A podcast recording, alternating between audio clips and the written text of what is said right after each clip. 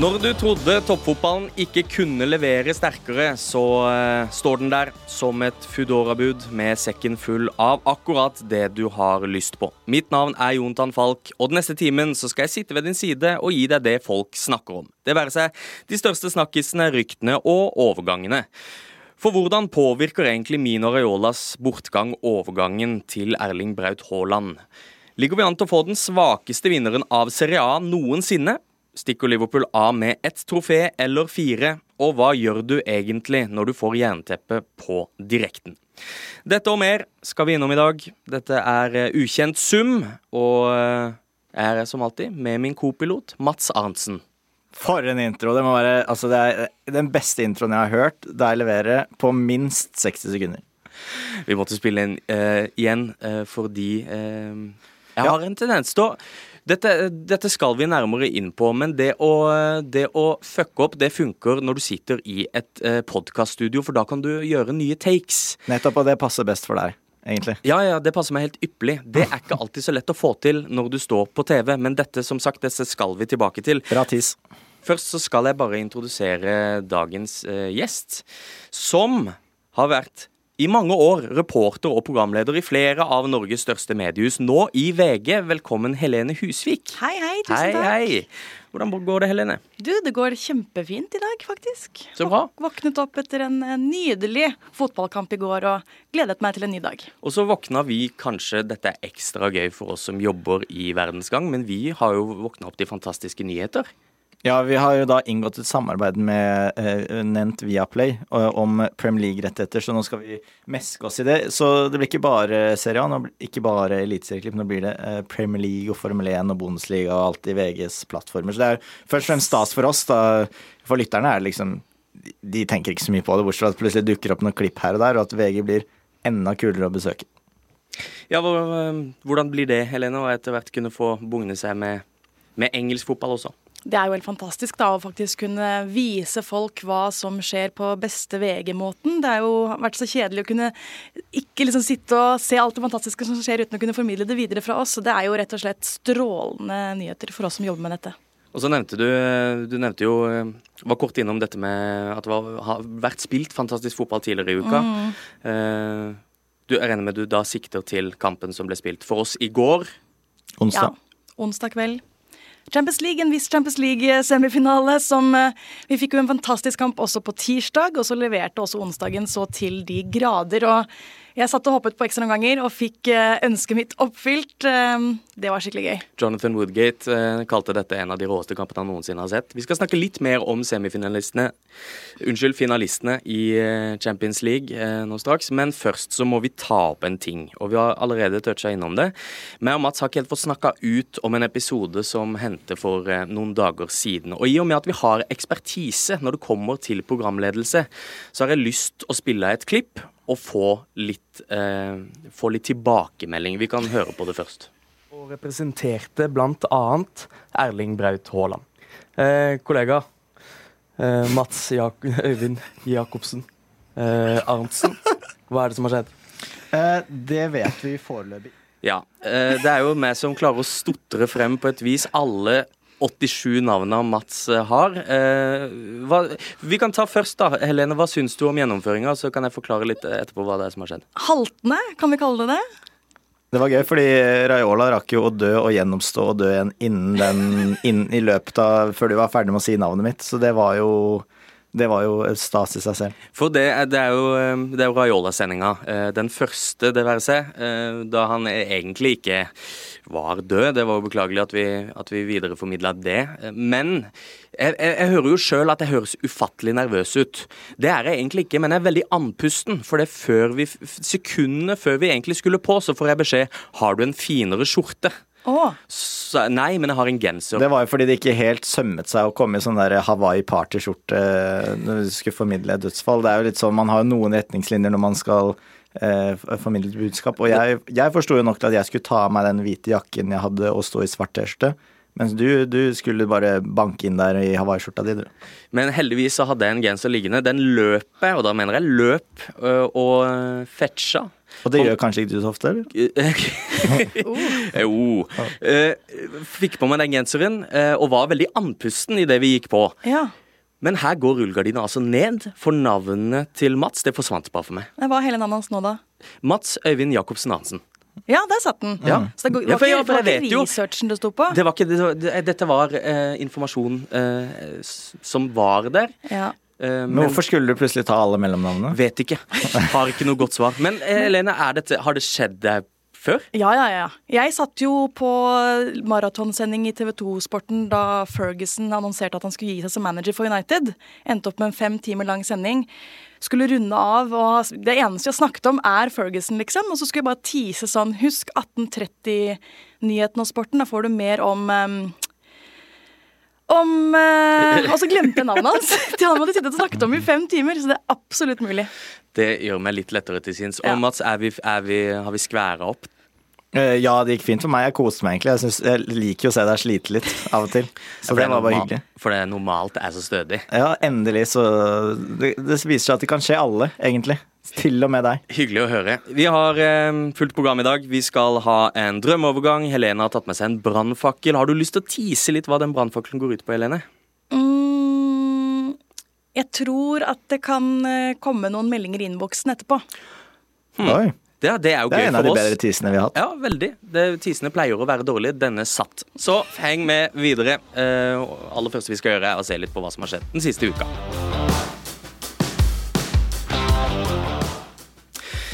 Det naturlige er jo å begynne i Champions League, da. Eh, Nå har det vært spilt to semifinaler som, eh, som skallene kommer til å synge om i åra som kommer. Først eh, Villarreal Liverpool, som ble en classic. Og deretter Real Madrid mot Manchester City, som mulig ble en enda større classic. Hva er inntrykkene du sitter igjen med, Mats? Uh, hva er inntrykkene? Altså? Det var jo bare helt vilt å sitte her. Og jeg skulle jo da få ut noen sportsnyheter idet kampen var slutt og greier, og det var jo bare slette alt uh, på slutten der. Du har sittet og gått føkt inn og ut av det der spikerrommet og skal skrike i vei åssen den jævla kampen gikk, og så s- Først så har jeg på en måte last, begynner å laste opp og gjøre ting klart. Da skårer 1-1, så tenkte jeg ah, nå må jeg inn og korrigere. Og så rekker jeg på en måte ikke å komme meg i gang før jeg hører noen rope 'Det er 2-1! Det er 2-1!' Og da Ja, det er vilt. Og det er helt utrolig hva liksom Champions League har å by på, da, for man snakker om at nei, fotball er litt kjedelig nå. nå det er ikke det det var, sånn, men den sesongen her har jo vært vill igjen. Og vi har hatt flere sånne de siste sesongene, så den Champions League-magien, den lever i beste velgående. Og Hvis det er noe denne sesongen har lært oss, så er det vel å aldri avskrive Real Madrid. Det skal man aldri gjøre. Og det er en av mine fanesaker uansett lag, er at man aldri skal gå før kampen er slutt. Jeg skjønner ikke folk som går kvarter før slutt og sånn. Det er helt sinnssykt i mitt hode. Eh, Da kan du gå glipp av akkurat sånne type kamper som det her. Så aldri gå før dommeren blåser. Og jeg tenkte jo at denne Jeg tenkte vel egentlig sjøl at idet Riyad Mahrez skårte for City der, så er denne, denne er død og begrava. og tenkte, så vel egentlig for meg jeg så, jeg så for meg egentlig at City hadde avgjort allerede i første kamp. Og at dette kom til å bli en sjarmøretappe. Men hvorfor det egentlig? Det var bare ett mål som det, nei, skilte. ja, det, men det, jeg vet, vet, ikke. Det De er var så mye bedre første Ja. kampen, egentlig. Og så eh, syns jeg også på slutten der Grealish kommer gjennom to ganger. Ene reddes på streken, den ene redningen til Courtois med beinet der. Det var et annet skudd også fra distanse som han redda. Og da tenkte jeg sånn, ja, nå har de gitt opp. Det så ut som Villarreal gjorde mot Liverpool da Liverpool plutselig kom fem mot to den ene kampen på tirsdag. Nå, ja, nå går det ikke lenger. Men Så- Ancelotti mente han, han kjørte jo veldig på der med comebacks og et siste comeback og alt sånt. Da tror jeg han sikta til at utgangspunktet var 4-3 til Manchester City. Kanskje ikke 5-3 i det 89. minutt, men eh, ja, nei, det var eh, vilt, vilt, vilt. Jeg var litt usikker på om jeg i det hele tatt skulle se kampen. Så tro, kjørt trodde jeg det var. Hæ? Ja, ja, virkelig. For Nå må du roe deg ned, Nei, nei, men, jeg, nei, men jeg, altså, det var ikke sånn at jeg eh, Det var ikke sånn at jeg var opptatt med å støvsuge, ikke misforstå, men det var Oi. andre ting som jeg kunne gjøre. Men så tenkte jeg nei, dette har jeg lyst til å få med meg. Fordi jeg tenkte på noe Alexander Skau sa en gang. Enhver fotballkamp har potensial til å bli den beste kampen du noen gang har sett. Det var fint sagt. Veldig. Og dette stemmer jo nesten i aller høyeste grad i dette tilfellet. Uh, Ref da Jonathan Woodgate som mente dette var den beste kampen han noensinne hadde sett. Men Han har ikke sett Brann Jerv. det var ingen som så Brann Jerv i det tåke... Men uh, liten fun fact fra semifinalene. Uh, Sadio Mané, etter å ha spilt mot Villarreal i, eh, i semifinale to, så tangerte han Roar Strand i antall Kamper på rad i Champions League. Riktig. Med 51 kamper. Det er to stykker som er foran, da. Ja, husker du hvem? Uh, uff. Det her burde jeg Jeg så jo på dette her om dagen. Er det Casillas, kanskje? Nei, det er, er rett bak. det er Kaka og Maldini. Maldini, de er de ja. eneste Mm. som har flere altså, 57 og 53 eller noe sånt. Noe sånt. Ja. Og det er jo ganske gøy, da, at uh, For det første at sånne rekorder fremdeles slås, og at Roar Strand uh, fremdeles, må vi si, er på pallen. Ja, han bikkes nok ut nå. Jeg tror nok Mané starter i finalen nå. Og da, da er han nede på fjerde, den sure fjerdeplassen. Hva er, hvem vil du si er favoritter i finalen nå, Helene?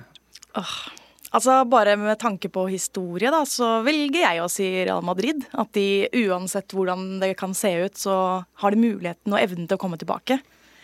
Men det er en veldig kul finale, da. Jeg håpet egentlig på Real Madrid, at det skulle bli de mot Liverpool. Ja, jeg, jeg syns eh, Altså, jeg tror Liverpool virker som de eh, selv tenker at de er kjempestore favoritter, og det tror jeg flere også gjør. Og så eh, Det var nesten som om de jubla for at det ble Real Madrid. For vi får en enklere motstander nå i finalen. Det er så dumt, vet du. Real Madrid har tapt De har vært i 16 finaler da, i serievinnercupen og Champions League. De har vunnet 13 av de, og så er det jo mange av de er for lenge siden, men, lenge, lenge siden, men de har vel ikke tapt en Champions League-finale siden de tapte for Liverpool i 1981. Eh, så hvis man tar nyere tid, da, så vant de 98, 2000, 2002 og hele den rekka nå. De, men Liverpool har noe evne. Salah jo, virker jo minst sagt tagga. Han sier først i intervjuet etter kampen mot Villarreal at han hopper Real Madrid.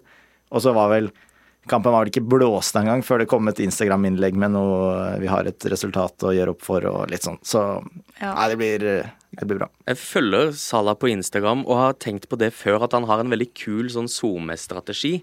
Fordi i motsetning til veldig mange fotballspillere, så Det virker å være veldig lite pjatt. Du, du ser tusen av de etter hver kamp sånn We go again, three points, delighted to win the game. Salah angriper. Han går i angrepsmodus, og det er som du sier, det, kampen var ikke blåst engang før han terga på seg hele, hele Madrid. Og det, er litt, det føles som han ikke har en PR-agent som sier hm, kanskje du ikke skal skrive det her. Enten, eller, enten, så har, enten så har han ikke det, eller så har han en som faktisk er litt framme i skoa og skjønner at det er ikke så farlig at man byr deg litt på, på en måte. Fint for oss, da. Veldig. Vi må også få med oss at uh, på kvinnesida så er det faktisk tre norske damer som også skal spille Champions League-finale. Caroline Graham Hansen og uh, Syrstad Engen i Barcelona mot Ala Hegerberg i Lyon. Igjen. Hæ? Igjen, vel. De møtes jo Ja, stadig. stadig. Som også er helt rått. Det er dritgøy. Men sist gang så var det vel Da var Syrsteingen i Wolfsburg. Wolfsburg, vel. Mm. Eh, og Ada har vært skada, så det er ikke noe mindre revansjelyst eh, der, tipper jeg. Det er vel første gang vi har tre i samme finale. Så vidt jeg vet. Men jeg skal være forsiktig her, altså. Men jeg er ganske sikker på det. Det er grisefett. Vi må eh, skifte fokus litt. Eh, vi har jo vært innom eh, Mino Raiolas bortgang. Han var agenten og nær venn, får vi vel nesten si, virker det som, av, av Haaland-klanen. Nå skjer den uunngåelige overgangen til Braut uten Mino Raiola. Og det er jo en viktig brikke ute av ligningen, da, Mats. Hva, hva, hvordan tror du dette kan påvirke overgangen? Nei, det s- s- Vanskelig å spekulere for mye i det, men eh, agentbyrået sier jo at ting går sin gang, og jeg tror vel at det meste av avtaler er mest sånn på plass, og at det handler bare om for Haaland å sette underskriften og si at eh, dette går foraktig. Så mm, jeg tror vel kanskje at det ikke har så mye å si for hvor han ender. Det tror jeg ikke. Um, men eh, rent formelt hvordan det funker og sånn, det, det vet jeg ikke. Men agentbyrået sier i hvert fall at her Grovarbeidet var vel gjort. Det tror jeg nok. Og eh, hvis ikke så har det vel vært en liten overlevering. For det, var, Mm. det får vi i hvert fall håpe at ikke det ødelegger for mye da, for eh, godeste Haaland. Hva tror du skjer med han nå, da? Nei, jeg som Mats har jo ikke noen sånn bakgrunn for å spekulere noe særlig i det, men eh, det er jo Manchester City da som har vært trukket frem som det mest aktuelle. De hadde kanskje trengt han i går, for å si det sånn, med en sånn ordentlig spiss på topp der. Men eh, det hadde vært kult å sett han der, det, det kjenner jeg. Jeg så det var flere som påpekte det på Twitter i går, at dette var en kamp hvor det hadde vært interessant å se Haaland. Nesten for, nesten for Nei. eh, samme hvem De for. får noen av de der uh, bruddene Som f.eks. en gang så er det Casemiro, tror jeg, som går ned rett utafor 16, og så får City en overgang med Marius og De Bruyne og bare sånn Det bakrommet Det var mange ganger hvor de bare kunne storme på, og eh, det stoppeparet til Real Madrid var jo litt skjørt, eh, spesielt Militao, det røra mye. Så der, hvis man tar både den første kampen og denne, så er det nok situasjoner hvor de kan drepe kampen. da. Um, og bare en annen ting når først er inne på det. Guardiola har jo nå Det er ti sesonger på rad da, hvor han har røkt ut, og han hadde et sabbatsår inni der. Eh, det er elleve år siden han vant sist. Og så har det vært ganske mange sånne opplevelser med ja, sene baklengsmål og litt sånn, så man kan jo på en måte si at det er tilfeldig og flaks, sånn som i går. Den runden her, det er mye tilfeldigheter, det er mye flaks, men over tid så kan man jo kanskje si at det som kjennetegner Guardiola-lagene, er at Eh, stilen hans passer bedre i ligaen enn i cupspill, da, fordi i de tette kampene når man blir litt nervøs og de skal forsvare den ledelsen og skuldrene faktisk blir litt høye, eh, så tror jeg kanskje at det er der skoen tryk, har trykka litt for de lagene. I, I, tillegg til det at de mangler en Haaland-type som kan banke inn de, de, avgjørende målene som gjør at de vinner da med 2-3 istedenfor at det lever hele tiden. Vi vil jo se Haaland nå så langt som mulig, nesten uansett hvem han gjør det for. Åssen hadde han eh, Han, han kler en semifinale i Champions League? Ja, ja, han kler en finale òg, han. og, og, det hadde vært kult også om det på en måte var han som var brikken som gjorde at, uh, at Manchester City endelig fikk det til. Da. Nå er det jo ekstremt mye man kan si om Manchester City og hvordan de har kommet seg dit og uh, hvem som står bak, men hvis man kun ser på fotballklubben, og at de folka som er der, og alle stjernene som har vært der og prøvd, hvis Haaland på en måte blir med og er den brikken som bikker det inn, så sier det mye om han, da. Og så øh, eh, snakka vi mye om historien til Raiola i forrige uke med Jon Martin Henriksen, så vi skal ikke gå for mye inn på det nå. Men det, han etterlater seg jo et, et, hull.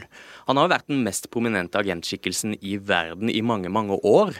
Og har vært involvert i så mange av tidenes største overganger. Og så var Jeg føler fotballverdenen er litt fattigere. Ja, men det er klart den er det. Det blir jo et voldsomt vakuum etter denne personligheten, både sportslig og menneskelig. men... Det er jo interessant også å se reaksjonene det har skapt blant spillerne, og ikke på en måte, fordi f.eks. For Zlatan har det vært helt stille fra. Mm.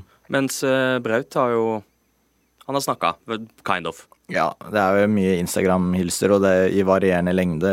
Braut skrev vel 'The Best', eller et eller annet sånt. Uh, Matheis de Licht hadde jo en sånn langt, langt innlegg med, som var litt rørende å lese, nesten. Også han, som går veldig i detalj, for vi blir jo veldig ofte sånn at vi ser på en pengegrisk eh, mann som tjener masse penger. Det blir jo litt det uttrykket folk, altså inntrykket folk danner seg. Eh, mens for klientene så har han jo gjort en sabla god jobb, rett og slett. Så man, han gjør jo den jobben han skal for de han jobber for, eh, eh og ikke noe annet. Og det må man jo ha respekt for samtidig. Eh, fra Haaland til en kar du nettopp nevnte, Helene. Zlatan han har ikke sagt så mye om bortgangen til Raiola, men, eh, og det, det, er jo nesten uvanlig, for han er jo, han er jo glad i å prate. Mm. Eh, jo, ved siden av det å være sinnssykt god til å spille fotball, så er han kanskje nest mest kjent for å si akkurat det han mener. Og jeg tenkte vi kunne benytte anledningen til å snakke litt om Zlatan. Uh, han er 40 år. Er i ferd med å føre Milan til sin første skudetto på over ti år. Jeg tror de vant sist i 10-11-sesongen. Mm. Eh, nå ligger de an til å, å ta gull. Og Zlatan uh, har sagt selv at han ønsker å fortsette. Han sa det før jul, så sa han vel at ja, han kan ta ett år til. For, for, å sitere så sa han vel at 'jeg legger opp når jeg ser noen som er bedre enn meg'.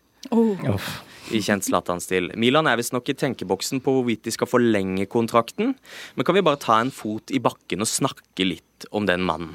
Uh, vi ser jo på en måte på Haaland som endelig har vi fått vår Zlatan. Mm.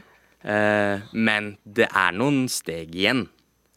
Det er jo i hvert fall noen meritter å ta igjen eh, på den eh, karen der, så absolutt. Og jeg håper jo at han fortsetter, fordi eh, det er, en, det er, jo en, gave til fotballen å ha han aktiv der. Ja, Hvor imponert over er du at han klarer å fortsette å levere i en alder av 40? Jeg syns det er superimponerende. Jeg tror ikke jeg kan kjenne igjen den der eh, sulten som man jo må ha for å holde på med dette her eh, år etter år etter år, når du har vunnet og vunnet og vunnet så mye. Nå er hun sikkert relativt gira på innspurten i Serie A også, og kanskje vil hvordan det ender ha noe å si da for, eh, for Zlatan. Det er klart, eh, ja, Han sa ved juletider han hadde lyst til å spille videre. Det tror jeg ikke blir noe mindre om de skulle tape gullet akkurat på målstreken for vinter. Inter. du tror da det er fyr på bålet, at da er han mer lysten på å ta en sesong til? Ja, det hadde i hvert fall jeg tenkt. Hvis du først har det mindsettet, da, og så taper du akkurat, eller eh, om du Greit om du skulle ta gull i år. Han har, jo ikke, han har vært mye skada, dessverre. Ikke fått spilt like mye som han skulle ønske. Gått glipp av mange av de store matchene for de virkelig store anledningene hvor han passer perfekt. Så det kan jo være motiverende det også, om de skulle ende opp med gule. Han har åtte mål i årets Serie A. Det er bare Giroud og Leao som har flere i Milan, så han har ikke vært noen blindpassasjer. Nei da, han har bidratt, han, men uh, som Helene er inne på, det har vært mye skader og sånt i, i tillegg. Jeg, jeg, tror jo at hvis, hvis han vinner seriegullet nå, så er det jo en perfekt anledning for å si ja, takk for meg.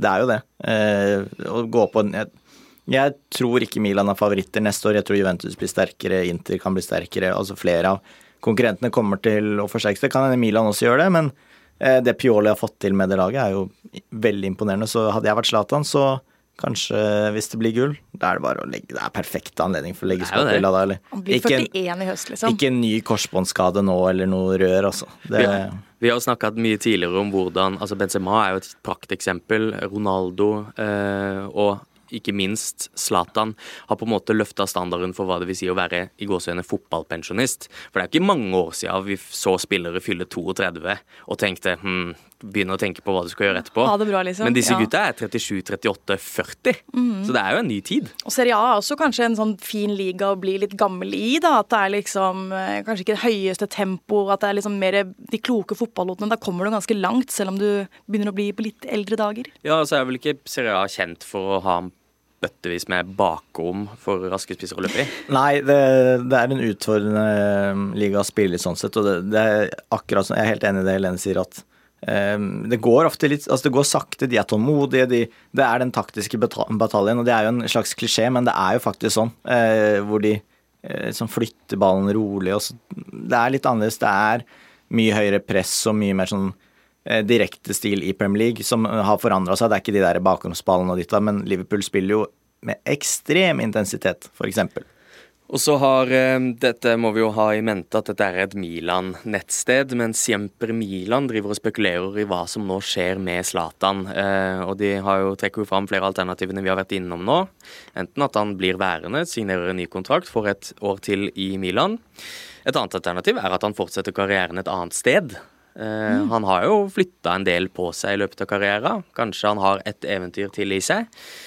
Trenerteamet snakkes det om, at han går inn der og får en rolle. Eller min favorittspekulasjon, og den kanskje mest poetiske av de alle, at han går inn og får en rolle i agentbyrået til Mino Raiola. Det er nesten litt sånn ja.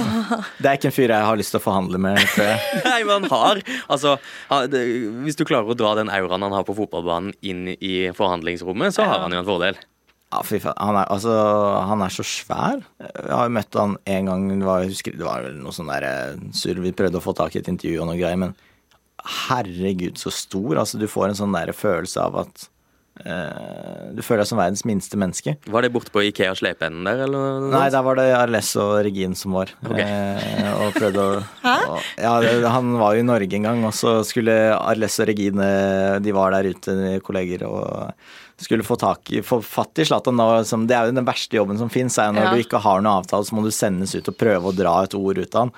Eh, og Zlatan kommer ut der og har vært på et eller annet businessmøte. Jeg vet da søren hva han gjorde. Så eh, slenger du ut et spørsmål bare sånn Ja, er det fint i Norge, Zlatan?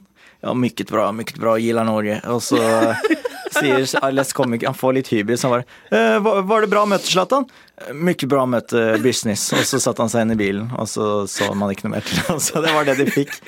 Det var liksom Her er Zlatan i Norge. Vår kollega Vegard Aulstad var jo også på Milan Fiorentina nå forrige runde. Og eh, alle spillerne går jo gjennom mix-zone, men det skal en del til for at du får lov til å liksom stoppe dem og gjøre selve intervjuet. Og da gikk Zlatan forbi. Og så roper jo Vegard ut da sånn Zlatan, kan, kan, vi få et spørsmål? Og da tror jeg en eneste grunn til at det stoppet, var at han hørte at det var norsk. Så han ble litt sånn satt ut, tror jeg. Og så ser han bare på Vegard og begynner å le, og så går han videre. så, ikke snakk om. Det er, det er som man gjør med, med, elgen når den løper forbi når du er på jakt. Du bare roper sånn høy, og så stopper den, og så pang, plaffer du ned. Og så Eh, kort eh, kort eh, Zlatan-minne. Det, det- er det gøyeste Zlatan-klippet jeg kan, eh, kan huske. Jeg tror det er et eh, intervju TV 2 gjorde da Zlatan var i Ajax sammen med André Bergdølmo. Eh, og intervjuet er jo med Bergdølmo i garderoben eller i ganga etter en kamp. Så spør TV 2s utsendte hva med denne Zlatan? Eh, hva tror du skjer med han? Hvorpå André Bergdølmo bare snur seg og roper over skuldra si Zlatan! Zlatan! Skal du stanna i Ajax?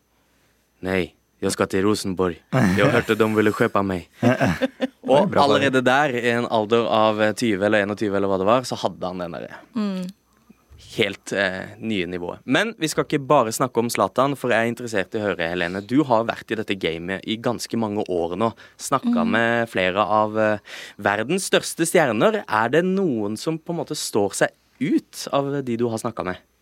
Ja, det vil jeg si. Jeg syns det alltid er gøy å, å intervjue nordmenn i utlandet. Um, eller nesten nordmenn, sånn Christian Eriksen f.eks. Man får en litt annen kjemi da, da, da han var i Tottenham f.eks.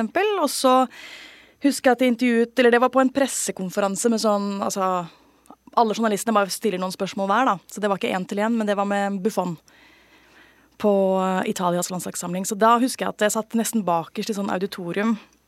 Og så var det min tur til å stille et spørsmål. Og så da han svarte Han satt jo sikkert ti meter unna, men han bare så meg inn i øynene liksom hele svaret. Og det ble så intenst. Liksom, Salen forsvant litt. ja, eller ikke på den måten, men bare, oh, han bare så sånn derre altså Det er veldig vanlig, så himler de jo litt med øynene og liksom ser på klokken mens de lirer av seg et eller annet kjedelig, men han liksom så på meg, svarte ordentlig. Og eh, ja, da Det syns jeg var litt sånn eh, Det, jeg, det kjente jeg at sånn Dette var gøy, liksom. Eh, og så um, Noe som ikke har gått etter planen, eller? eh, Ja, jeg intervjuet eh, en gang også Mario Balotelli. Ja. Eh, da han spilte i Premier League. Eh, jeg husker ikke, jeg tror det var da han var i Liverpool. Eller City, ja. I hvert fall, så um, Der er det jo slik at når man er rettighetshaver, så um, sitter da denne stjernen man skal få intervju med, på samme stol, og så bare bytter det på med hvilke journalister som kommer og setter seg ned. Bare bytter kamera, og så liksom får du tapen etterpå. Og da var alle litt spente, fordi du vet jo aldri helt hva du får med Balotelli. Men eh, en etter en da, så kom disse mennene ut og sa at ja, han er i godt humør i dag, liksom. Så null stress, folkens. Det er bare å dette blir bare bra. Så da ble jeg litt roligere. Tenkte ok, men da, da gleder jeg meg. Da skal vi gå inn. Og så jeg hadde en klar plan på hva vi skulle og sånn. Um, og så kom jeg inn, setter meg ned. Det kan jo også være at jeg var nummer X i rekken, at han var litt lei, men han var ikke så veldig godt humør da jeg kom inn. Han Å, så var ljug? ja, eller at han bare var litt sånn, følte seg ferdig for dagen, liksom. Eh, og da Han mumlet ganske mye. Det var litt vanskelig å høre hva han svarte. Så ofte måtte jeg liksom Jeg klarte liksom ikke å stille noen oppfølgingsspørsmål når jeg ikke forsto hva han sa. Så enten var det liksom Sorry, can you repeat? Eller Ja, det var ikke verdens beste kjemi mellom oss, da. Akkurat eh, på den greia der. Ehm, så etter hvert så må jeg liksom bare runde av og gå, reise meg opp og gå ut. Si tusen takk for intervjuet, og så får jeg tapen. Og så tenker jeg søren ass, nå leverer jeg ikke til min arbeidsgiver i det hele tatt. Hva skal vi lage på dette? Og så ser jeg gjennom hele intervjuet, logger og tenker herregud, lykke til. Og så når jeg liksom kommer til slutten, så ser jeg at han eh, Når jeg sier takk og snur meg og går ut, så ser jeg liksom at han eh, ja, nå er dette for våre lyttere òg, da. At han, eh, han tar heisblikket, da, rett og slett. Og stopper litt. han, han sjekker ut. Sjekker ut eh, et eller annet, ja. Og da, da kom liksom det første smilet jeg hadde sett den dagen, i hvert fall.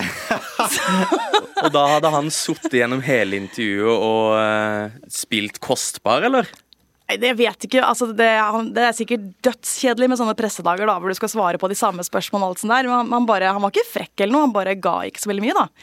Så da jeg Kanskje så han er det, sjenert? så- Drit- At idet du snudde deg, da tenkte han eller Da turte han å være seg sjøl? Ja, jeg, jeg vet ikke.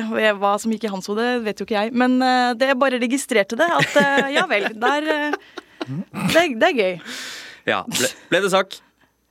Em, nei, faktisk ikke. Eller altså, det ble jo en annen type sak. Ja. Men vi lagde ikke sak på det. Nei, men det, nei, nei, men det ble sak ut av en helt terningkast tre-sak ble det. Det må, vi må gjennom en har del av de. ikke opplevd det i Eliteserien. At, mm, men jeg skal begynne å se gjennom råmaterialet etter, altså etter å ha stått der med den der VJ-kameraet mitt og liveview i, i mixzone, om det liksom er noen av guttene der som slenger et blikk. det, er, det er fortsatt lov å si at uh, selv om uh, andelen kanskje er lavere enn vi t eh, tror, da, eller som er offentlig, så er det jo mest heterofile menn i uh, Eliteserien fortsatt, tror vi jo.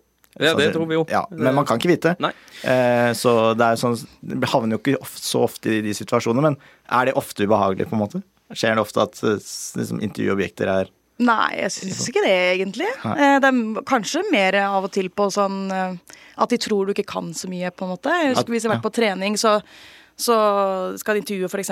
Fagermo, så hvis ikke jeg ser han umiddelbart, så kan jeg Eller jeg kan spørre sånn Hei, er Fagermo her? Så er det sånn, ja, det er han som står der borte. Han med den, han med den røde luen. Nei, som, han, nei, nei. som liksom ikke jeg vet hvem Fagermo er. Jeg bare lurte på hvor han befant seg, liksom. Så det er oftere kanskje den veien enn sånn ja. mer seksuelt retning. Ja, jeg skjønner. Eh, sånn, ja. Takk skal du faen meg ha. Jeg går bort til henne.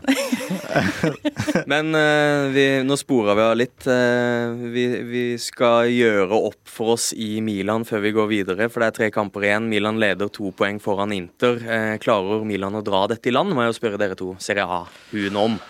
Oh, eh, de har jo vel et lite bananskall igjen, eller? I Fiorentina, er det det som skal stoppe? Det var den de, vant kanskje? nå i helgen. Eh, 1-0. Eh, nei, altså Nå blander vi ikke nå. At det var bland, Er det jeg som eh, blander? Vet ikke. Har ikke programmet foran Jeg skal meg. finne det. Men i hvert fall, de har, det er tre matcher igjen. Det er det eneste vi veit. Og ehm, Inter har ganske enkle kamper igjen, eh, mens Milan da har de to poengene. Ehm, dårligere målforskjell. Atalanta hjemme er så klart eh, det Ja, jeg. Atalanta, ja. Mm. Eh, Så den, den eh, kan bli det som jeg fort tror det kan stå og falle på, da. Eh, Sassuolo borte i siste var heller ikke noe walk in the park, så Nei, det blir Jeg veit ikke. Jeg føler at eh, Milan ikke tar ni poeng, jeg, da, på de tre kampene. Eh, Og da har altså um, Inter har en Empoli hjemme, Cagliari borte og Sampdoria hjemme, og det, det tror jeg fort kan være ni poeng. Så da ender vel kanskje med at jeg tror kanskje at Inter snapper det fra dem. Men samtidig så kan det jo hende at Cagliari er helt desperat etter poeng for å unngå rykkene. da. Så det er jo ikke sånn så lett å møte et lag som, som kommer til å være helt desperate, liksom. Så det er ikke Og Milan har jo to poeng, så de, det er jo Inter som egentlig bør gå for alle tre, mens Milan kan tape. De har jo innbyrdes, eh, har de ikke det, på Inter. Så de har råd til det, på en måte, selv om de sikkert ikke kommer til å slakke. Men nei. Hellas Verona borte. Atalanta hjemme, Sassuolo borte var Milan sine. Mm. Og Inter, Empoli hjemme, Cagliari borte og Sampdoria hjemme. Sampdoria som kan man kanskje si har klart seg nå, da, men eh, ja. Det er tror- jo tror umulig å vite. Jeg tror fort det kan avgjøres på innbyrdes. Ja. At, eh, altså, det er jo da, hvis Milan har De har råd til én uavgjort da, på grunn av det innbyrdes eh, oppgjøret. Ja. Ehm, det tror jeg fort de jeg tror, jeg, jeg, jeg tror Milan tar sju og Inter ni, og at Milan vinner på innbyrdes. Men la oss si da at eh, egentlig uansett hvem av de som vinner, men la oss ta utgangspunkt i Milan, i og med at eh, de leder eh, enn så lenge. Eh, på, på huet og ræva ut av eh, Champions League. Det gjelder jo for så vidt Inter også. Men de har Eh, Coppa Italia igjen, da, mot Juventus. Ja. poenget mitt er bare det at vi, vi ser ikke de italienske gigantene like høyt oppe på, på favorittlistene, sånn som vi har vært vant til å gjøre. Det gjelder jo for så vidt både Juventus, Inter og Milan. Milan har ikke vunnet ligaen på ti år. De har ikke noen sånn prominent toppskårer. De har tre stykk som ligger på mellom åtte og ti mål. Ja, er det eh, Det er jo egentlig du som nevnte det, Mats. Er dette en av de svakeste eh, eventuelle vinnerne i Serie A på, på lenge? Ja, jeg, det, jeg vil kanskje si det. Fordi eh, det Milan-laget der, at, at det vinner Serie A, er ganske sykt, egentlig. For der er det Det er mange En del i den elveren der som ikke er i topp, topp internasjonal klasse. Og hvis man ser på hvordan italienske lag gjør det i Europa, da, det er svakere enn noensinne. Juventus har en dårlig sesong. Eh, så tror jeg sånn kvalitetsmessig akkurat denne sesongen, så eh, vil det være et av de svakere mesterne. Også fordi Juventus ofte har vært veldig veldig sterke da, i mange år nå, og vunnet eh, omtrent år etter år. Så ja, jeg tror kanskje det. Og, og før det igjen, altså starten av 2000-tallet, så dominerte jo italienerne med Man hadde to lag i finalen i 2003. Um, og de var, de var der litt mer jevnlig da, i toppen. Og, og på 90-tallet var det jo italiensk fotball som hadde penger. Går man enda lenger tilbake, så uh, var Milan kanskje det beste laget i verden under Sakki uh, på slutten av 80-tallet, starten av 90-tallet. Så Det er kanskje en av de svakere, ja. Hvis man begynner å se litt på historikken. Og vi var jo innom i starten, så var vi jo innom spillerne med flest sammenhengende Champions League-kamper. Der var Kakao og Maldini alene på topp. Mm. Eh, så eh, vi mangler kanskje de der helt, helt store verdensstjernene i et AC Milan, eller? Ja, og som kan levere litt sånn kontinuitet, da. Sånn vi hadde har skade på Zlatan, så har du Giroud som sleit fryktelig da når han skulle liksom komme inn og ble direkte sammenlignet med Zlatan, stakkars, selvfølgelig. Så har jo han plutselig skåret noen avgjørende mål, og så, og så er det jo Leao som har vært kjempebra. Men det svinger liksom ganske mye. Det får ikke en sånn kontinuitet der. Og Milan hadde vi egentlig avskrevet sånn rundt juletider, da vi fikk Serie og begynte å jobbe med det. Da var det liksom andre som var der oppe, og Inter og hadde du Napoli plutselig Atalanta. Altså folk, de vil jo ikke vinne, virker det som. Det er uh, utrolig varierende kvalitet, da. Inter har, manglet, har veldig mangla en spiss som virkelig liksom avgjør de kampene i sin favør. For Inter har kanskje vært totalt sett det beste laget, syns jeg. da, I hvert fall uh, det jeg har sett. og um, Så de har bare mangla en brikke, og Juventus kom litt seint i gang. og Hadde de hatt Vlavic fra starten, og sånn, så tror jeg nok de hadde tatt det. Um, men eh, det som er gøy, er jo at det er sjukt jevnt, da. Eh, og at eh, det er litt som Formel 1-bilene går bitte litt saktere, men løpene er jo vel så spennende likevel. Det ryktes stadig spillere både inn og ut av Milan. Denne Frankessi-sagaen den, den, varer jo rekker. Det, det, er stadig Barcelona som, som, trekkes fram. Den avtalen er imidlertid ikke gjort. På vei inn så snakker ISBN nå om at Jesse Lingard er eh, aktuell. Ja, Han kobles jo overalt. Ja, Så dette er bare én i rekken? Ja, ja, han har noen som snakker for seg. Det må det være. Altså, han blir jo kobla hit og dit. og til, Det var Newcaster, og så har det vært uh, det ene og det andre. PSG har blitt nevnt. Så det er sånn Der er det noen som trekker i trådene i kulissene, og såpass tror jeg man klarer å skjønne. For det er ikke sånn naturlig at alle tenker sånn Ja, Lingard han skal til PSG, og han skal dit og dit, så men Italia er ikke sikkert at det er en sånn dum destinasjon heller, da. Um, og du nevnte spist i Inter. altså Lukaku tilbake er jo noe som stadig trekkes opp av hatten. Kanskje det er liksom den brikka de uh, mangler. I hvert fall hvis Lautaro forsvinner ut. Han kobles jo stadig til Arsenal. Uh, en annen som kobles til Arsenal, er eh, Victor Simin. Har vært bra for Napoli i år. Eh, Napoli risikerer også å miste Khalidou um, Han blir jo linka vekk hvert år. Han, er, det. Sånn han, er en av, han, må bare, han må bare forlate den klubben snart, for jeg orker ikke enda et år nei. med Koulibaly-rykter. Så nevner så er jeg bare sånn Nei, vi får se. Jeg veit ikke. Si fra, liksom. Ja. ja. det er så ring med når han har gått. Ja. Det er sånn avtale med en kompis hver gang han dukker aldri opp. Er det andre spillere dere forventer eh, flytter på seg fra Serie A? Ja Hvem er det som gjør det, ja? Han tok det meg fryktelig på sengen her. Uh, det, var, det, var, ikke meninga put you on the spot. Jeg bare lurte på om, eh, om det er liksom navn nei. som kan ha gått under radaren for folk flest, da. Ja, nei, men også menn er jo den som er klart heitest, da, som er kanskje sånn Napoli er en stor og god klubb, men det er, det er ganske mange av de aller, aller beste klubbene i verden som trenger en, en, veldig god spiss, og han er jo en sånn type. Um, så jeg blir virkelig ikke overraska hvis han er den som kanskje går for mest penger fra Serie A denne sommeren. Og i sånn litt mindre perspektiv, da, så, eller det er jo fortsatt stort, men med norske øyne, så er jeg veldig spent på hva som skjer med Morten Thorsby, f.eks., som uh, spiller alt for Sampdoria og er viktig der. Han var utrolig nærme Atalanta vel i sommer i en overgang, så det kan godt hende at det blir innad i Serie A, men at det kan bli inn i en litt sånn større klubb opp, som er litt høyere oppe på tabellen. Da. Og for de som ikke ser uh, alt av Serie A, kan man beskrive liksom hva er toppnivået til Thorsby? Er det type en Atalanta-overgang? Er, er det bra for han? Ja, det tror jeg ville vært kjempebra for han, og han kunne vokst. Det er viktig å ikke ta for stort steg heller, ikke sant. Men at han var veldig nærme. Jeg tror det var kun detaljer det liksom stoppet på nå i sommer. Uh, men absolutt. Jeg syns han er utrolig Man blir jo glad i Morten Thorsby, både som spiller og som menneske.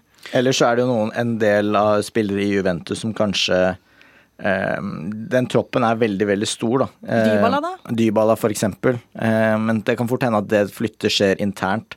Eh, i, i, Italia. Så der, der, også er det jo en del sånn eh, Hva skjer med Rabiot f.eks. og de, de, på midten. og Der har det jo vært en del, så det kan være noe sånt også. Ramsey ser jeg kobles ut. Ikke sant. Sånn som er Noen av de er jo ikke helt inn i varmen heller, som han du nevner der. Um, Berardi i Sassolo, skal han være der for alltid, liksom? Det kan jo, kan jo bare hende, det, og det er jo kult, det. Men det er jo en spiller som hadde vært god nok for enda større klubber. Men når vi er inne på tospisssporet, da kan vi ta en liten uh, gjennomgang av, uh, av, uh, av, nordmennene i Serie A. For i år så er det flere nordmenn i Italia enn det noensinne har vært. Eller i hvert fall i øverste divisjonen. Mm.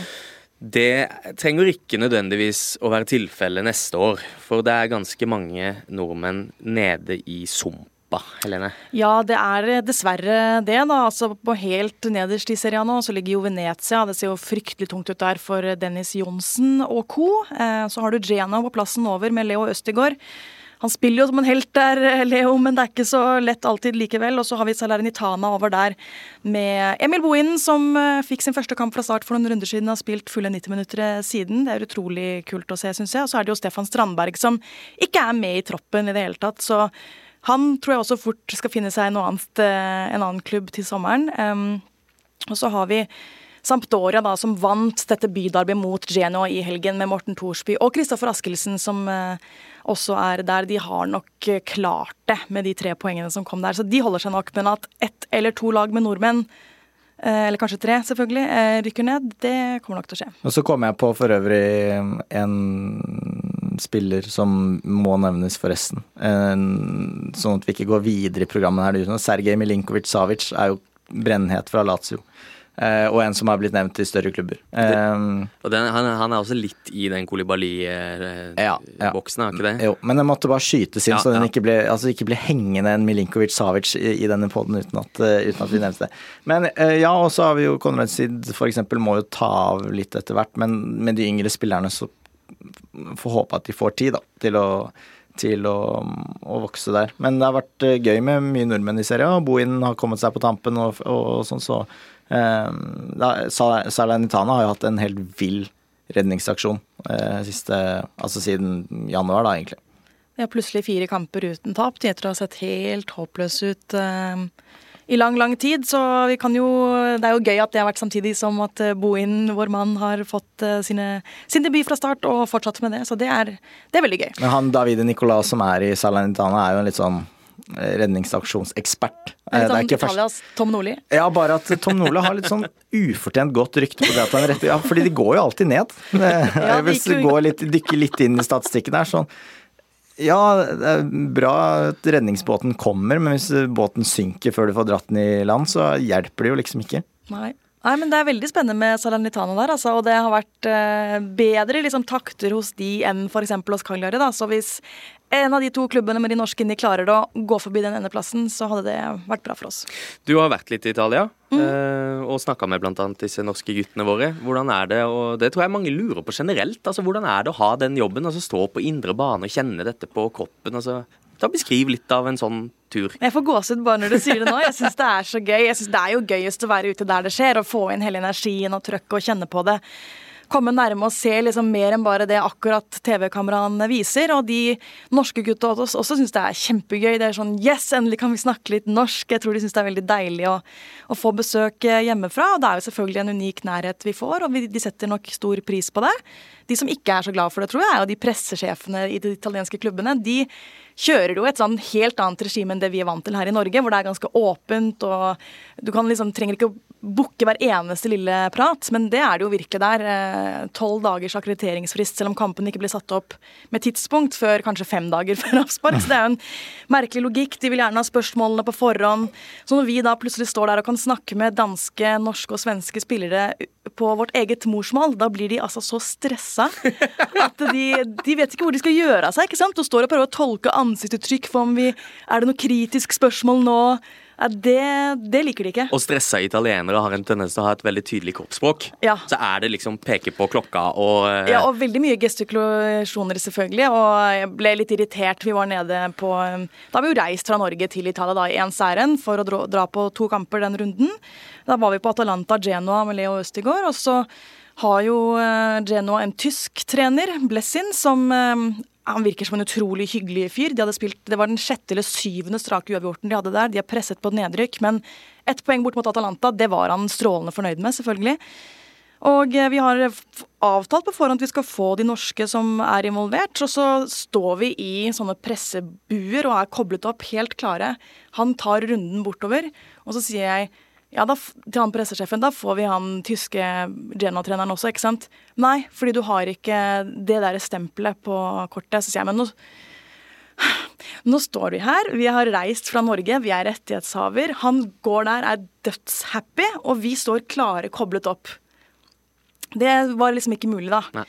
Eh, og da var det også fordi vi visste ikke om vi fikk Leo Østigård fordi han var tatt ut til dopingkontroll. Så det kunne være Hvis han klarte å tisse innen en time, så fikk vi ham. Hvis ikke, så måtte han gå rett på bussen. Eller ja, dra senere, da.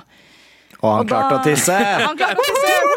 Men, da, men da, da ble jeg faktisk så irritert at jeg det, eh, Jeg stønnet tungt, himlet med øynene og bare gikk uten å si noe mer. Og da gikk det et par minutter, så kom han bort til meg, han samme pressesjefen, så sa han OK, you have one minute. Og da det hjelper. følte jeg det var en Det seier. hjelper. Jo, men herregud. Det, det, det middelhavske temperamentet og kroppsspråket, det funker. Man må snakke med hele kroppen, ikke bare Et språk de forstår. Ja, det er akkurat det. Eh, det er jo, vi har jo hatt noen, eller hatt noen møter med Mourinho og pressesjefen der nå. Det har blitt fire ganger nå, da. Eh, Så Venner på Facebook. ja, det, så vi, vi skal faktisk på ferie sammen til Kos eh, i midten av juli. Eh, Vi tre, og med, med partnere, så det blir hyggelig. Han satte altså noen sånne kuler under øynene så dypt inni meg da jeg prøvde å stille, for de ville ha spørsmål på italiensk, Ja. så at vi ikke skjønner en dritt. Eh, Og det er stakkars eh, De som skal sitte og simultanoversette alt mulig, og ofte så er jo de bare noen som bor i Italia og kan norsk. Det er ikke alltid de å snakke fotballspråket. er sånn Når Mourinho snakker om avstander og mellom, så blir det ofte mye morsomme. For eksempel da i Roma sist, så innførte hun at ja, en halvfinale er en halvfinale. Og der kan alt skje, på en måte. Og det er jo da en semifinale. Ja. Eh, Så da vil jeg jo gjerne stille spørsmålet på engelsk, fordi da får jeg en direkte kontakt med Mourinho. Prøvde på det i Bodø, og første gangen så fikk jeg altså så stygt blikk. som bare avslutta hele pressekonferansen etterpå, da vi prøvde på det. Eh, andre gangen så gikk det litt greiere. Da tror jeg de hadde et budskap de ville gi ut før kampen der. Eh, og man så jo hvordan det gikk i, i Bodø. Nå skal ikke jeg bli helt italiensk og peke på det imaginære uret, men vi må rett og slett videre. Eh, selv om jeg kunne hørt på historier fra indrebane i flere timer, kjenner jeg. Det er en Men, annen pod. podd. Vi har, Eller det, var. er en- det er en helt annen pod. Vi har flere ting vi skal innom. Eh, straks så skal Helene Husvik fortelle oss hva hun har med seg som brannfakkel.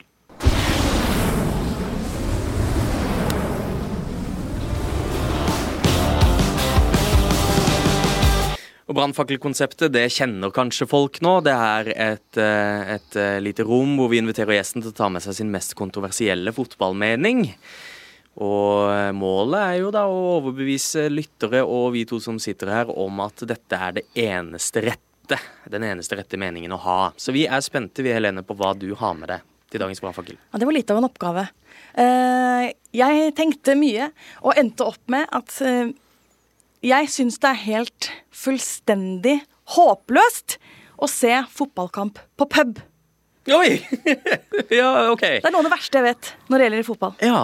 Eh, noe som er nært og kjært for mange nordmenn. Ja, jeg syns det er helt jævlig, hvis jeg skal være ærlig. Hvis det er en fotballkamp du er interessert i, da, og ikke bare sånn dill og dall at du skal stå på det, men hvis du skal se en fotballkamp, så vil jeg helst se den hjemme.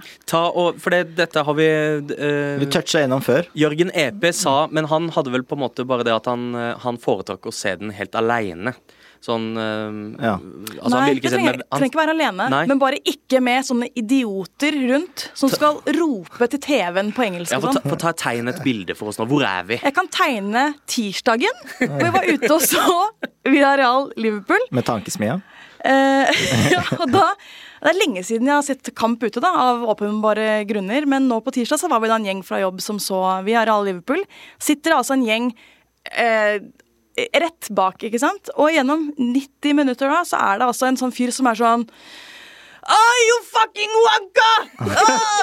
Oh, uh, hey, ref! Ja, det, er bare, det er så jævlig dumt. Det er så dumt. Og så sier Oh, that's not a penalty! Altså, altså, han hadde arendalsdialekt, liksom. Ja. Egentlig, så han er jo ikke engelsk. Da- Dere hadde jo ikke møttes før, var det derfor dere ikke hilste? Hva sa du at?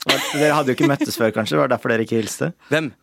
Han hintet til at det var deg. Men ja! det var ikke det. ja, da- da- ja. Ja, men han hadde eh, sørlandsdialekt. Ja, hvert Altså, skal du drive og rope Jeg blir Jeg vet ikke, jeg syns det er så dumt. Ja, Og det er dette er, her er, dette er noe alle norske fotballinteresserte har sett. Eh, og hvis du hører på og føler deg litt truffet, så tenk gjennom valget du tar i løpet av 90 minutter på pub. Eh, Ja, og er når, det er scoring Og det, er- jeg, jeg roper, jeg òg, sånn når jeg sitter hjemme, sånn som vi sitter i går og det andre målet kommer, som sikrer ekstra. Altså, ja, jeg blir engasjert, jeg roper og alt sånt der, men bare Hva er det verste de kan si? Hva er det aller Nei, verste? det verste er jo sånn der når du skal også, eller øss, eller det liksom skal være sånn der at som om du er en sånn i Liverpool-teamet, liksom. Som bare at du sitter på pub i Oslo og ser på i stedet. Jeg syns det er så dumt. Og som der, han ene som mente, når vi allerede hadde ropt på straffe, mente han at det ikke var straffe fordi at det gjorde jo ikke vondt engang. Og det er, det er jo ikke et argument for om det er straffe eller ikke. Det er bare, det er bare sånn derre Nei, jeg, jeg syns det er skikkelig, skikkelig irriterende. Ja. Jeg gir meg et par enheter, så er brød er brød. Jeg, jeg tipper du er litt ja, sånn er- type, du er litt sånn. Ja, men det er jo ofte På engelsk, eller? Liksom et, ja, eller tysk, eller hva det måtte være. Eh, Det, spørs, det kommer an på eh, hvilken kamp det er, og eh, antall enheter. Men det er jo ofte et lag med ironi, da. Eh, At du liksom eh, Ofte er det ikke et lag Ja, med men i- òg. Nei, nei, nei, dette her- ikke på denne gjengen dette her som jeg snakker om. Det, det er nettopp det, fordi uh, ofte så hvis man drar ut en gjeng og ser på fotballkamp, så i hvert fall min gjeng er ikke veldig sånn der brølete uh, supporteraktig greie, men det hender jo at det blir at man, Hvis man begynner å jazze opp litt, og noen andre sitter sånn, at man liksom kaster seg med og liksom fyrer litt oppunder for å fyre opp de andre, da. Det er noe annet. Det er jo gøy. Og Ja. det er jo også sånn når vi sitter ute, så sitter jeg og så roper sånn Oi, fy faen, det der er jo ikke altså, Men det er jo forskjell Det er bare måten det gjøres på som er jævlig Ja, og irriterende. At man liksom man, man, man ser det som det er en kontroversiell avgjørelse. En fyr bare reiser meg og løper bort mot TV-skjermen som om liksom det er ballak oppi ansiktet Ja, på Henning Øvrebø. ja, og på Øvrebø. Liverpools første mål så var han jo eh, Han han var jo nede opp fremst liksom foran skjermen, og som om det på en måte var nei, Han som var- scora? Ja.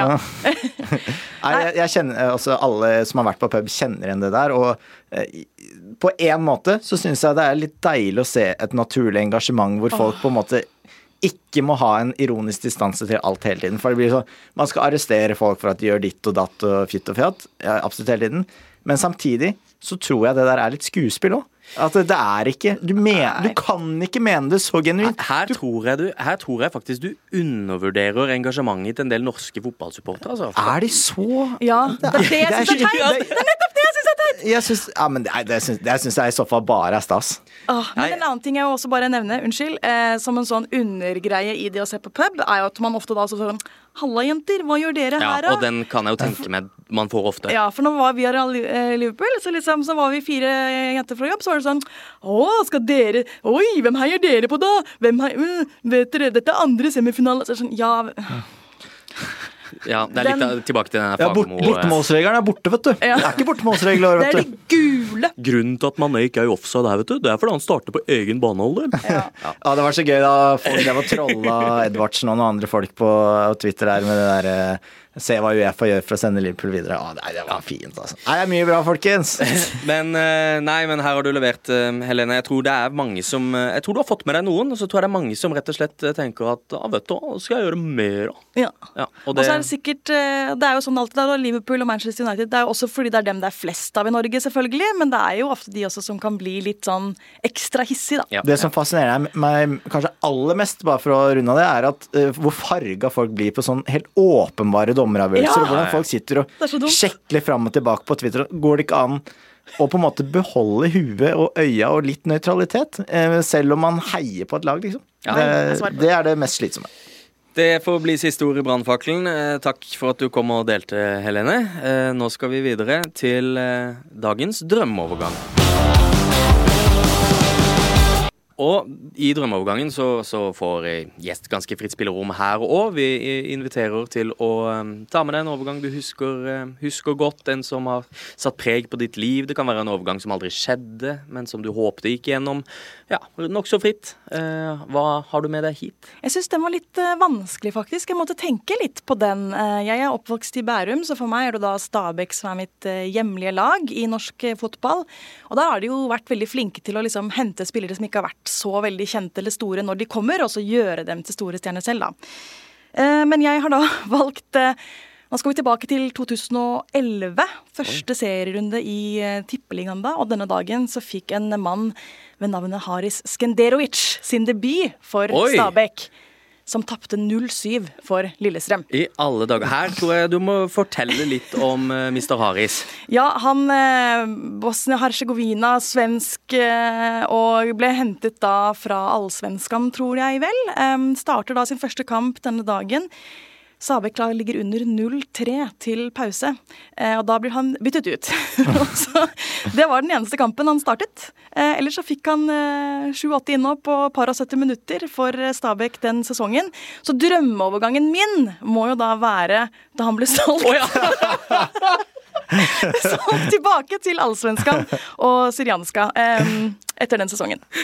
Nå trodde jeg det kom en sånn at så jeg har tatt med meg en overgang som jeg, som jeg husker, men av feil grunner. Men det endte lykkelig til slutt. Ja, at vi ble kvitt den, holdt på å si. Slemt sagt. Men det var jo var ikke den periode hvor Stabæk kjøpte veldig mye rusk og rask, for måtte bare fylle opp. Det måtte var bare mye rart der. Og uh, nå skal jeg bare snakke litt, så skal jeg Ja. finne en annen. Fordi jeg satt og søkte på dette her ehm, eh, da jeg gikk gjennom Stabæk akkurat i de årene, for der er det sjukt mye rart. Sånn Fredrik Berglund og, Og skulle- altså, mye, mye gøy. Og de, de klassiske Stabæk-årgangene, og da mener jeg på en måte de som, eh, de som tok gull og sølv noen år der, de, Ja. de, eh, de, disse, de beste spillerne der forsvant jo etter hvert, og Stabæk gjorde da eh, De skulle De henta altså sånn eh, karbonkopier av de spillerne de hadde hatt. Ja, Gilles Ondo, husker du han? eller eh, da, da Alan Sinjo forsvant, ja, da hentet vi Daigo Kobayashi, som var, for han er Ja. akkurat samme. Eh, Så de skulle bare finne nøyaktig samme rollespillere som de hadde. Men skal du ta én spiller inn da, som var fett. Det var jo Pontus Farnerud, for Ja. eksempel. Eh, Å få han inn i den norske serien var jo helt sykt fett. Og det 2008-laget der som tok gull, helt fantastisk. Men uh, ja, det er artig av og til det synes jeg, å gå inn i gamle spillerstaller og bare se og komme på folk man ikke har tenkt på på lenge. Det sier hun jeg er sammen med, sier det at det er fascinerende hvordan jeg og venner av meg kan sitte og bare snakke om folk som pleide å spille fotball. Ja. Og, og hadde kjempe og hadde time over life. Du sitter og nevner navn.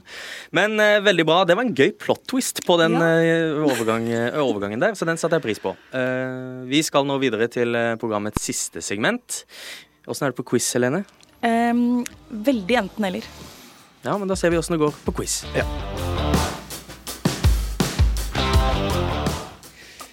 Jeg har med meg en liste over navn som vanlig, og disse navnene har noe til felles. Eh, dere skal prøve å nevne så mange dere klarer på to minutter av navnene på denne lista, og i dag litt fordi det har kommet en film på kino. Den Oi. filmen, den handler om Drillos. Hva det laget gjorde i eh, 1998 og tiden rundt. Alle husker på en måte kampen mot Brasil. dvs. det vil si alle har hørt om den, i hvert fall. Eh, og nå har jeg altså troppen. Ja. Den norske troppen. Så det holder ikke bare med elveren. Hvis den sitter, så er det helt flott. Men her har jeg altså den norske troppen som møtte Brasil sankthansaften 1998. Og Oi. da vil jeg at dere i plenum Helene er jo eldgammel, så hun har en kjempefordel der. Hun var jo tre år. Det er første gang jeg hører det i hele mitt liv. Jeg var jo tre år gammel. Så vidt. Er oppgaven forstått? Vi skal nevne hele troppen. Dere skal, så mange dere klarer. Okay. Ja. Ja. Um, og dere får to minutter fra jeg sier nå, eh, og jeg sier nå nå. Frode Grodås. Eh, Frode Grodås starta i Kjetil mål. Rekdal. Vi ta, eh, eh, Torstvedt var faktisk ikke på benken. Ja. Oi, okay. Litt raskere avslag. Eh, Rekdal. Eh, Rekdal spilte. Erik Mykland. Erik Mykland kom inn. Tor Ja, André. Tor André Flo. Jostein Flo. Eh, riktig. riktig. Ole Gunnar Solskjær. Han satt på benken. Øyvind Leonardsen. Han spilte. Roar Strand. Vegard Heggem, sa hun. Vegard Roar Strand. eh, Roar Strand er riktig. Vegard Heggem satt på benken. Eh, Bjørneby. Bjørneby spilte. Ronny Johnsen. Ronny Johnsen spilte. Henning Berg. Henning Berg spilte. Dan Eggen. Dan Eggen Jeg bare lener meg tilbake. Uh, Da er vi snart Steffen gjennom Iversen. Steffen Iversen uh, Litt tidlig, kanskje. var ikke i troppen. Ja. Uh, Jeg kan si det sånn at det er på benken Eirik Bakke. Vidar Iseth. Vidar Riseth er riktig, og Eirik Bakke var ikke i troppen. Nei. Eh, hvem er det vi har glemt her nå? Ja, Ah, Bent Skammelsrud. Eh, Bent Skammelsrud er ikke med. Nei. Dere mangler en keeper som satt på benken. Det Eh, mangler to Thomas, keepere. Thomas Myhre. Thomas Myhre var der. Bårdsen. Bårdsen er den andre. Eh, Jon Arne Riise er tidlig. Var ikke er ikke der. Eh, hvor mange mangler vi da? Ståle Stensås. Ikke, men en annen Ståle. Solbakken. Helt, selvfølgelig. Hvor mange mangler vi nå? da? Eh, jeg har ikke kontroll. Um, Jan Åge Fjørtoft. Han var ikke med. Eh, dere mangler, Kast eh, dere mangler en eh, En To, tre Christer Basma. Fire. Ikke Christer Basma. Men du tenk, nå er vi i riktig klubblandskap. Ja, Erik Hoftun. Erik Hoftun satt på benken. Eh, Harald Martin Nei, det, han var ikke der. Det er jo bare surr. Eh, fankeren i bankeren. Eh, I alle fela. En, eh, et, en spiss. Spiss. Sørlott. Sørloth. Ikke Sørlott. Men litt sånn samme sjanger. Toto. Dalum. Ikke Totto Dalum. Nå begynner tida å renne ut, fordi Nei. der Nei.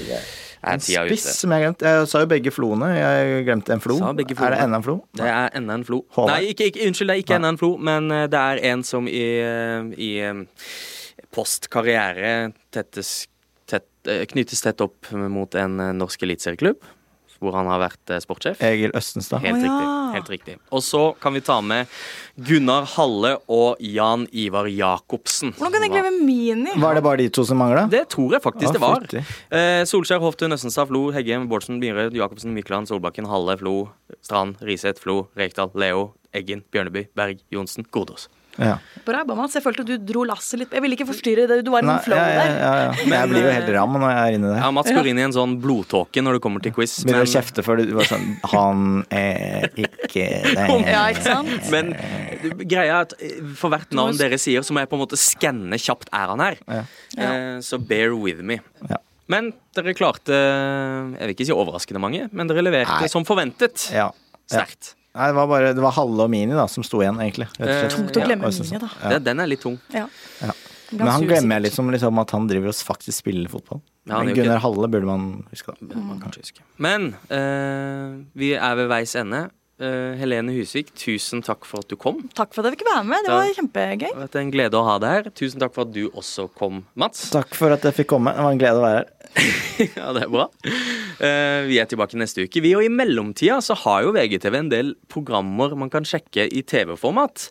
Blant annet Bravissimo. Eh, kort plugg om Bravissimo, Helene. Bravissimo er programmet hvor vi ser litt nærmere på internasjonal fotball, som vi har hatt på VG den siste tiden. Så det går mye Serie A selvfølgelig om dagen nå, da, som det er så spennende der.